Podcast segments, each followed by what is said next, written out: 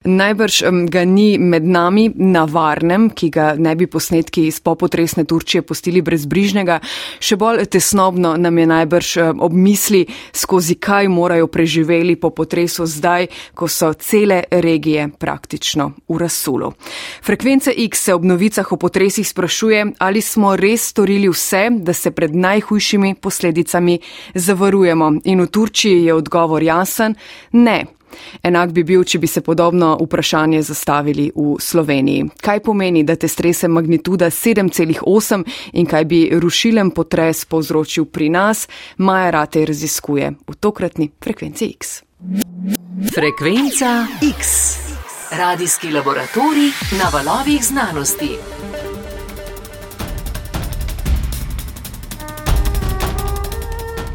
Potres, ki je pred slabima dvema tednoma udaril v Turčiji in Siriji, je zahteval že blizu 50 tisoč žrtev. Kot da bi se zbudili v peklu, je stanje dan potem opisal Osman, turški mladenič, čigar družina je ostala ujeta pod ruševinami.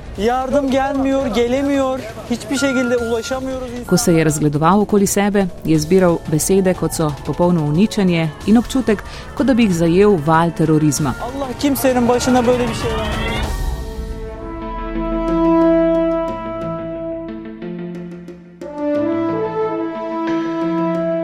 Številke so res nepredstavljive. Naprimer, poročajo o skoraj 90 tisoč ranjenih, več 100 tisoč razseljenih, poškodovanih ali povsem podrtih stavb je čez 50 tisoč.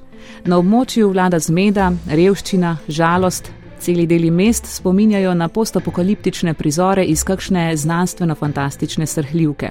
Ja, tukaj gre za zelo velik potres, magnitude 7,8, oziroma tukaj gre v bistvu za dva potresa.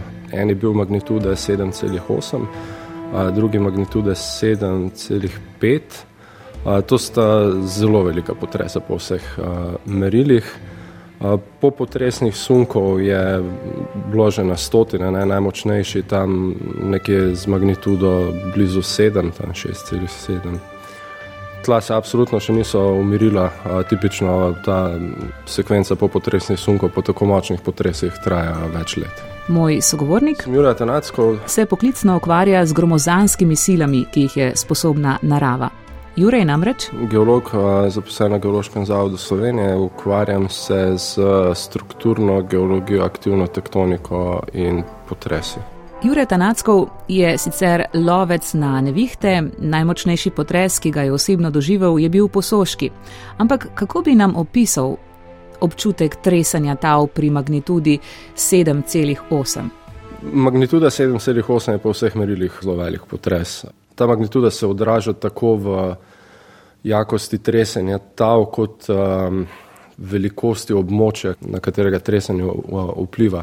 Potres je nastal ob eh, vzhodno-anatolskem prelomu in v tem dogodku se je premik zgodil ob približno 300 km tega preloma, tako da tukaj gre za zelo, zelo veliko območje, ki ga je prizadelo tresenje tav. Tukaj pride do dejanskega premika eh, oziroma pretrga, potem prihaja do sekundarnih efektov, od utekočinjenja tav do sekundarnih eh, pretrgov, do plazov. Govorite o tekočinjenju tav in tako naprej. Ne? To si kar težko predstavljamo. Tla nam po večini pomenijo neko zelo trdo gmoto. Ne? Kaj se je po tem potresu dejansko zgodilo s tlemi? Govorijo, poročajo odkudrkoli o deformaciji tav. En od glavnih teh učinkov je primarni površinski pretrg. Se pravi, prelom je ploskev pod površjem, ki, pod površjem, ki loči dva, recimo temu, tektonska bloka, ki na nek način ali drugačen drsita en mimo drugega. Pri potresu pride do premika ob tej ploski, se pravi ob prelomu in če je potres dovolj močen, ta razpoka, ta premik pride do površja ne, in temu pravimo površinski pretrg. Tukaj v tem primeru je, je prišlo do zelo velikega površinskega pretrga, ponekod je bil premik ob tem prelomu tam nekje med 5 do 9 metrov. Potem pa pride še sekundarni pojavi. Veliko je bilo plazenja, ne? tam so bili posnetki eh, cest, kjer jih je praktično del ceste odneslo. Različni pobočni masni premiki se dogajajo, se pravi, eh, prije tudi do tekočinjanja tav. To prihaja eh, na območju, kjer so tla pod površino praktično nasičena z vodo in gre za, za bolj peščena tla, kjer potem valovi, ki prihajajo skozi ta material, v bistvu porušijo njegovo trdnost. Ne. Ampak tudi Turčija je precej potresno, ne? kar taka dinamična država. Leta 1999 so tam poročali tudi o zelo silovitem potresu, nekaj je terjal tudi okrog 17 tisoč uh, življenj. Nam lahko kaj poveč poveste o tej torej potresni dinamiki Turčije? Ja, Turčija je na enem takem predvsej nesrečnem mestu, kar se tiče uh, potresne aktivnosti in aktivne tektonike. Tak širši kontekst je ta, da je ujeta v kolizijsko cono med Afrijsko in Eurazijsko litosfersko ploščo. Ta, to sta dve veliki uh, litosferski plošči, ki lezeta ena proti drugi. Pravimo, da sta v koliziji. Ne? In vmes je pa, je pa še nekaj drobire, nekaj manjših teh uh, litosferskih plošč. In tukaj so, naj, sta najpomembnejši še uh, arabska, ki je uh, vzhodno od Turčije, in pa sama plošča, na kateri se nahaja večina Turčije, to je uh, anatolska plošča In to anatolsko ploščo v tej kolizijski coni, kjer afriška in evrazijska lezeta ena proti drugi, ne, recimo afriška proti severu, ne, anatolsko iztiska proti, praktično proti zahodu. In to se dogaja ob dveh sistemih prelomov. En je severno-anatolski, drugi je pa vzhodno-anatolski. Tukaj prihaja do večjih premikov, anatolska plošča leze proti zahodu s približno dvema centimetroma na leto ne, in premikanje se akomodira ob teh dveh sistemih prelomov. Ne. Ob teh prelomih naj potem prihaja tudi do deformacije tega reda velikosti, se pravi okoli centimetra do dva centimetra na leto ne, in s tem se akumulira napetost na teh prelomih, ki se potem sprošča v, v absolutnih merilih, velikih potresih. Ne. Tako da, ja, leta 1999 je bil uh, zelo močen potres magnitude, mislim, da je okrog 7,6 v Izmitu, to je približno 100-150 km vzhodno od Istanbula, to je na, na, na severno-anatolskem prelomu oziroma sistemu prelomu, ki je drugi sistem kot ta, ki je bil zdaj aktiviran, to je bil vzhodno-anatolski, ampak oba sta, oba generirata ogromne potrese, tam z magnitudo nad 7 in kot se izkazuje blizu 8. Ne. Turčija se za 2 cm na leto približno premika proti zahodu. Tako. X. Premik, ki je sprožil tokratni siloviti potres v Turčiji in Siriji, se je torej, če povzamem, zgodil ob 300-kilometrskem prelomu. Ponekod je bil premik tav o prelomu tudi od 5 do 9 metrov. Turčija je zagotovo med potresno aktivnejšimi deli sveta, ni pa najbolj aktivna. V Evropi ob sicer mirnem severu največ sunkov prestrežajo južni predeli. Ni na ključe, da se južnim otoškim in obaljnim delom Italije pravi Terra Ballerina, plešoča zemlja. Ljudski spomin ob tem še vedno pomni letnici 1693 in 1783, ko sta silovita potresa skupno vzela več kot 100 tisoč življenj. Ja, ta južni del je naj, najbolj podvržen potresom prav, za, prav zaradi te kolizije med Eurazijsko in Afriško ploščo. Najbolj intenzivno dogajanje je na območju Turčije, Grčije in Južna Italija. Ne. Tukaj prihaja do zelo močnih potresov. Južna Italija, tam do magnitude 7,5, vsaj v zadnjih nekaj stoletjih. Najmočnejši potresi so na območju južne Grčije, na območju Krete, kjer je nekoliko drugačen stil deformacije, tam je subdukcijska cona in tam prihaja do še močnejših potresov. Najmočnejši je bil magnitude okoli 8 celih pet, se pravi 8,5, to je bilo v četrtem stoletju. Takrat se je zahodni del Krete dvignil za približno 10 metrov. To gre za res izjemno močen potres, ki je povzročil, mimo grede, tudi tsunami, ki je zalil precejšen del delte Nila, Aleksandrijo in tiste naselbine v tistem območju. Tako da ta, ta del je daleč najbolj potresno aktiven. Potem potresna aktivnost sicer upada proti severu, ampak tu nekje do južnega roba Alp je razmeroma aktivno, manj kot na jugu, bistveno manj, ampak imamo zgodovinske potrese tam z magnitudami blizu sedem. Kaj pa Slovenija? Pri nas se uvrščamo med države z merno potresno nevarnostjo. Sezmologi na leto pri nas zaznajo v povprečju 2000 potresov, vsak četrti ima magnitudo večjo od ena, približno vsakega desetega pa čutijo tudi prebivalci. Take magnitude, kot so bile v Turčiji, so pri nas manj verjetne, so pa lahko učinki potresov dokaj hudi zaradi razmeroma plitvih žarišč. Tla so se pri nas spet malo konkretneje zatresla prav pretekli teden, v zvezi s čimer smo pri frekvenci dobili vprašanje, ali je ta potres nemara povezan s turškim. Zdaj, modeli kažejo na to, da je, da je prišlo do, do uh, sprememb v napetostnem polju praktično nekaj deset do nekaj sto km daleč od teh prelomov v Turčiji, uh, na katerih se je zgodil potres. Ne. Ta potres 7,5, magnitude 7,5, do katerega je prišlo približno 9 ur po tistem najmočnejšem, po 7,8, modeli kažejo na to, da je prišlo do spremembe v napetostnem polju in do dodatne obremenitve tega preloma. To je prelom, ki je približno 100 km stran od žarišča tega najmočnejšega potresa in najverjetneje je ta sprememba v napetostnem polju povzročila še ta, ta drug potres. Ne. Zdaj prenos napetosti tako daleč, ne, to je sicer bolj, bolj vprašanje verjetno za seizmologa, no, ampak um, najverjetneje ne, sploh pa ne na takih magnitudah. Ne. Potresov magnitude 5 je vsak dan nekaj. Tako da, po svetu. Po svetu, tako. Uh, tako da to niso neki redki dogodki. Ne. Jurija Tanacko, če pogledava še v našo neposredno soseščino, še vedno je živ spomin na Petrino, na Hrvaško. Kaj se zdaj tam dogaja s tlemi? Če povežem to s tistim, kar ste malo prej rekli, da se tla umirajo tudi po dve leti po potresu, se torej tam še vedno poroča o razmeroma močnejših popotresnih sunkih, so se tla že umirila?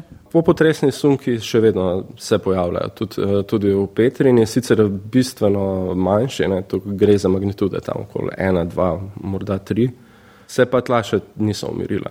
Um, tako v Turčiji pa se lahko pričakuje popotresne take sunke še leta in leta. Slovenija je država Albina Belarja, ne? to pomeni, da imamo dolgo tradicijo tudi spremljanja potresov, seizmološko tradicijo. Kaj pa vi menite, bo kdaj mogoče napovedovati potrese, da bomo malce z večjo gotovostjo vedeli, da se bo nekaj zelo hudega zgodilo na nekem območju? E, v tem trenutku je potrese ne mogoče napovedovati. Zakaj pa ni mogoče napovedovati? Če gledam samo, samo geološki del, negotovosti je, je ogromno. Od poznavanja pre, aktivnih prelomov, a, težko je poznati vse aktivne prelome, ne samo nekateri se kažejo na površju, nekateri so slepi. Potem bi bilo potrebno poznati praktično obnašanje vsakega takega preloma posebej, kakšno je njegovo karakteristično obnašanje naprej. Tako da v tem trenutku ne, zdaj v prihodnosti pa verjetno v dovolj oddaljeni prihodnosti morda.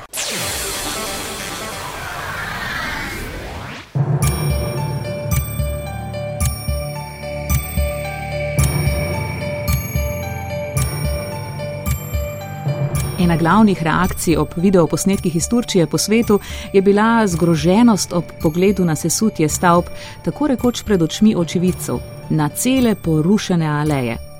Kako pa je te posnetke spremljal nekdo, ki pri nas prihodnje gradbenike poučuje potresno inženirstvo? Ja, dobro dan, jaz sem Matjaž Dolšek, prihajam z fakultete za gradbeništvo in godizijno univerze v Ljubljani katerih temeljnih naukov, ne, ki jih ob tem vi posredujete študentom, eh, tam očitno niso upoštevali? Zelo verjetno je problem, da uh, objekti, ki so bili grajeni pred desetletjem, uh, niso še zelo dobro načrtovali sposobnosti uh, konstrukcije, da se poškoduje pri močnih potresih. Se pravi, načrtovali so predvsem nosilnost objektov, uh, ne pa sposobnost sipanja energije pri tako močnih potresih. In to je, bi rekel, novost, ki se je v zadnjih desetletjih precej, bi rekel, posodobila in zaradi tega se moč, pri močnih potresih novi objekti zelo redko porušijo. Zdaj, do zdaj so vložili, kot sem brala včeraj, eh, torej sredi tega tedna, kazenske ovadbe proti približno 130 posameznikom, ki jih bremenijo kršitve varnostnih standardov. Eh, kje po vaših izkušnjah in recimo, strokovnemu znanju so najverjetneje ti posamezniki izigrali sistem? Ne, zgradbe so sicer prodajali kot luksuzne, kot eh, potresno varne gradnje, realnost pa je bila drugačna. Ne? Koliko so po vaše ob tem tudi prihranili? Ja, tle odgovor ni enoznačen. Zdaj, da so takoj po potresu zaprli veliko ljudi, je verjeten tudi prenagljeno. Vprašanje je, kdo je bil kriv, zakaj to bo treba verjeten ugotoviti na dolgi rok. Prav gotovo tudi oblasti v Turčiji niso ustrezno odreagirale, ker niso ali pa niso znali ali pa niso hoteli vzpostaviti okolja, da bi se za objekte, za katere se ve, da so uh, potresno neodporni, uh, začeli v času, ko ni potresov, utrjevati. Tega zagotovo niso ustrezno regulirali. In zaradi tega je težko, bi rekel, kriviti gradbene inženirje. Tudi veliko objektov, ki so bili stari, so bili mogoče grajeni v tistem času, pa projektirani za tisti čas, primerno, ne pa več za sedajni čas. Če so pa res prodajali oziroma tržili objekte, da so potresno odporni in da so vedeli, da to niso, je pa to velika napaka. In, in to je, bi rekel, stvar, ki se jo lahko tudi preganja kazansko. Je pa res, da ni na trgu, ne vem kako je v Turčiji, ampak tudi pri nas, ni na trgu informacij o potresnem tveganju, da bi bili deležniki, ki so izpostavljeni tveganju, o tem na sorazmerno enostaven način informirani. In tle lahko pride do precej eh, špekulacij. Premaknimo zdaj perspektivo na Slovenijo. Približno četrt milijona slovencev živi v blokih in podobnih stavbah, grajenih v času pred letom 1963, ko protipotresna gradnja še ni bila predpisana. Že malo močnejše tresanje tav bi, da nimo v Ljubljani po študiji iz leta 2009, poškodovalo približno 28 tisoč stavb. To je ena od študij. Svojo pa je leta 2020 pripravil tudi Dolšek, sodelavci, zajeli so pol milijona stavb oziroma njihovih delov. In v okviru tega stresnega testa smo tudi simulirali uh, močne potresne dogodke, recimo potres z magnitudo 6,1, če bi se zgodil recimo 5 km severno od uh, centra Ljubljane, ki je, bi rekel, neka simulacija potresa iz leta 1895. In ta simulacija je pokazala, da bi bilo v Ljubljani in okolici poškodovanih med 40 tisoč in pa 100 tisoč objektov oziroma stavb oziroma delov stavb. To je bil rekel 90 odstotni interval zaupanja, pri čemer je treba podariti, da eh, bi bile poškodovanosti teh objektov različne, se pravi od zelo nizke stopne poškodovanosti do porušenih objektov. Eh, ocenjena medijana smrtnih žrtev je znašala 330 ljudi, eh, neposredna škoda na stavbah pa 7,2 milijardi evrov in če bi to prevedli v današnji čas, bi ga mogli povečati to vredno za približno tretjino. O kakšnem stavbnem fondu govoriva, kateri je najbolj občutljiv eh, z vidika potresov? To je, bi rekel, dokaj nehvaležno vprašanje, zato ker je, bi rekel, potresna neodpornost povezana tudi z potresno nevarnostjo, ki se po Sloveniji geografsko spreminja, ampak za potresno najbolj ranljive objekte smatramo zidane stavbe iz kamna, neobdelanega kamna eh, in pa tudi eh, više zidane stavbe in parmirano betonske stavbe. Eh, če so bile, bi rekel, grajene pred letom 1964. Eh, Omenili ste potres 6,1, da ste ga vzeli nekako v svoj vzorec oziroma primer. Koliko se stavba premakne ob takem potresu, koliko gre, za koliko vodoravnega premika gre? Če so primerno projektirane stavbe, recimo lahko uh, tudi 1,5% višine stavbe recimo pride do pomikov, ki, kjer ne bi prišlo do porušitve. Torej nekaj centimetrov. Ne, ne, bistveno več. To je lahko tudi enega metra. Se lahko stavba vodoravno premakne in obstane. No, če je desetetažna stavba, bi komot mogla prenesti metrski premik. Odvisno je pa tudi od konstrukcijskega sistema stavbe. Ne. Ne, določene stavbe so bolj podajne, določene so bolj toga, tiste, ki so toga, imajo so razmerno manjše pomike običajno. Po hipotetičnem scenariju bi bila torej materialna škoda velika.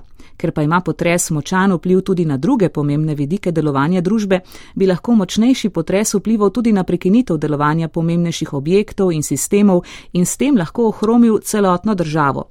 Kljub določenemu tveganju pa je zavedanje o potresni nevarnosti pri nas dokaj nizko. V Sloveniji, kot sem že omenil, nimamo eh, primerne zakonodaje, ki bi uh, urejala področje utrjevanja oziroma zmanjševanja potresnega tveganja oziroma uh, krepitve potresne odpornosti v Sloveniji. Te zakonodaje ni uh, in bi bilo potrebno šele uvesti. Seveda je bilo pa, bi rekel, v zadnjih desetih letih precej zamujenih priložnosti, kjer se je izvajala energijska sanacija na potresno odpornost se je pa pozabljali, verjetno tudi zaradi tega, ker politika, ki jo pripravljata, recimo Francija in Nemčija, in te, eh, v teh državah ni eh, bistvenega problema z potresnim tveganjem in zaradi tega je to, bi rekel, predvsem regionalen problem, ki bi ga mogle te države, ki imajo ta problem, dejansko nasloviti.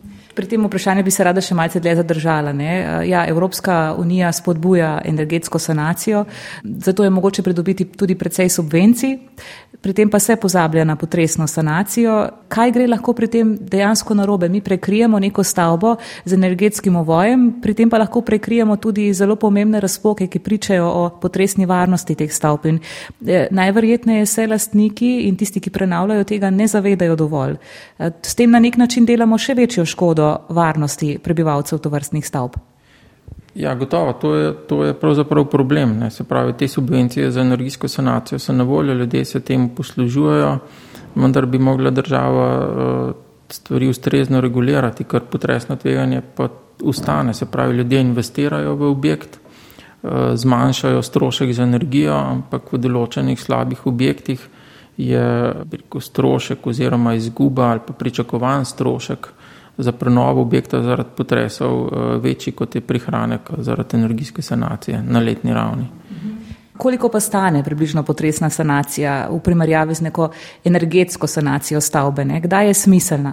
To je bilo recimo v Italiji, so precej objektov že prenovili in običajno se ta strošek ustavi nekje, saj recimo za dve leti nazaj, nekje pri 400 evrih na kvadraten meter. Če bi bil ta strošek presegel, takšno stopno, verjeten je bolj smiselno, da se objekte nadomesti, oziroma obstaja neka številka, ki ni, bi rekel, zelo egzaktna, ampak če je strošek prenove objekta presega 40% novogradne, potem se lastniki običajno odločijo za novogradno. Je to res, da v Ljubljani naprimer stoji vrsta stolpnic, nevarnih stolpnic, ki imajo tudi po 13 etaž iz posebno običajnega opečnatega zidovja? Oh, ja, to je znano dejstvo, da je kar nekaj visokih zidanih stavb v Ljubljani, kar je zelo neprimerno. Ni pa nujno, da so te stavbe najbolj potresno ranljive. To je predvsej odvisno tudi od samega potresa, ki se bo zgodil. Eh, lahko se bo zgodilo, da bojo frekvence tega gibanja tal bolj neugodno za nizke zidane stavbe ali pa za kakšne druge stavbe. Tako da to je zelo težko uh, reči na splošno. Uh, zaradi tega pač stvari obravnavamo predvsem z verjetnostnimi metodami. Kako strogi pa so protipotresni standardi v Sloveniji in s tem tudi Evropi in kako se jih upošteva pri nas?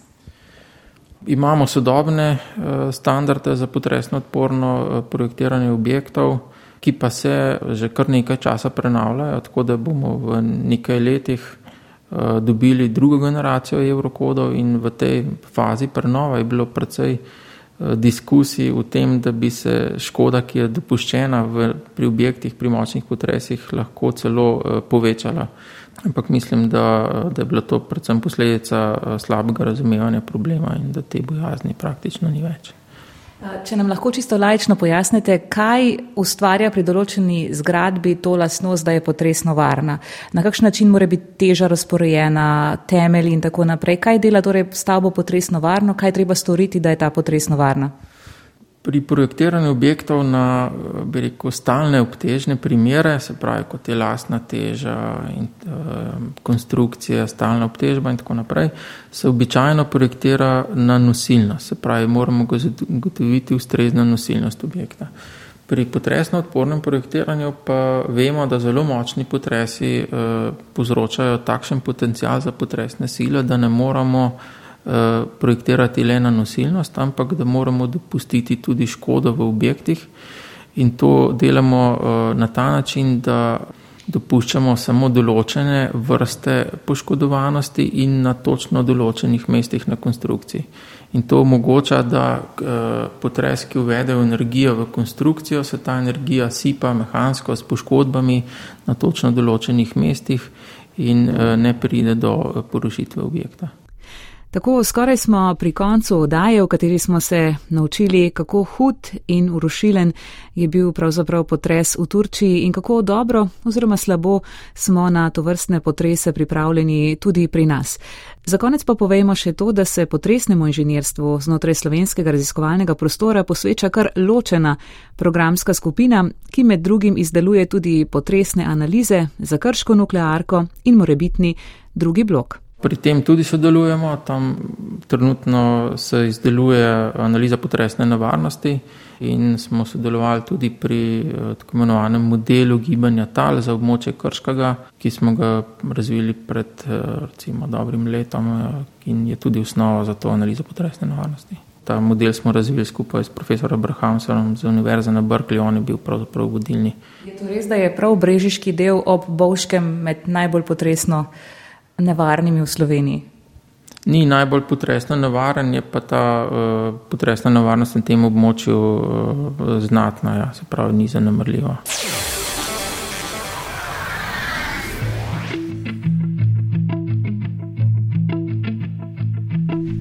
Torej, kar nekaj zanimivih številk smo slišali v današnji oddaji. Vsekakor je streznjujoče slišati, da živimo na potresno precej dinamičnem območju, na katerem pa potresni sanaciji posvečamo tako malo pozornosti. Moja gosta sta bila geolog Jure Atanacko z Geološkega zavoda Slovenije in profesor potresnega inženjerstva na Fakulteti za gradbeništvo in geodezijo v Ljubljani Matjaš Dolšek. Poslušajte pa nas tudi prihodnji teden, ko pobliže pogledamo dogajanje v znanosti februarja.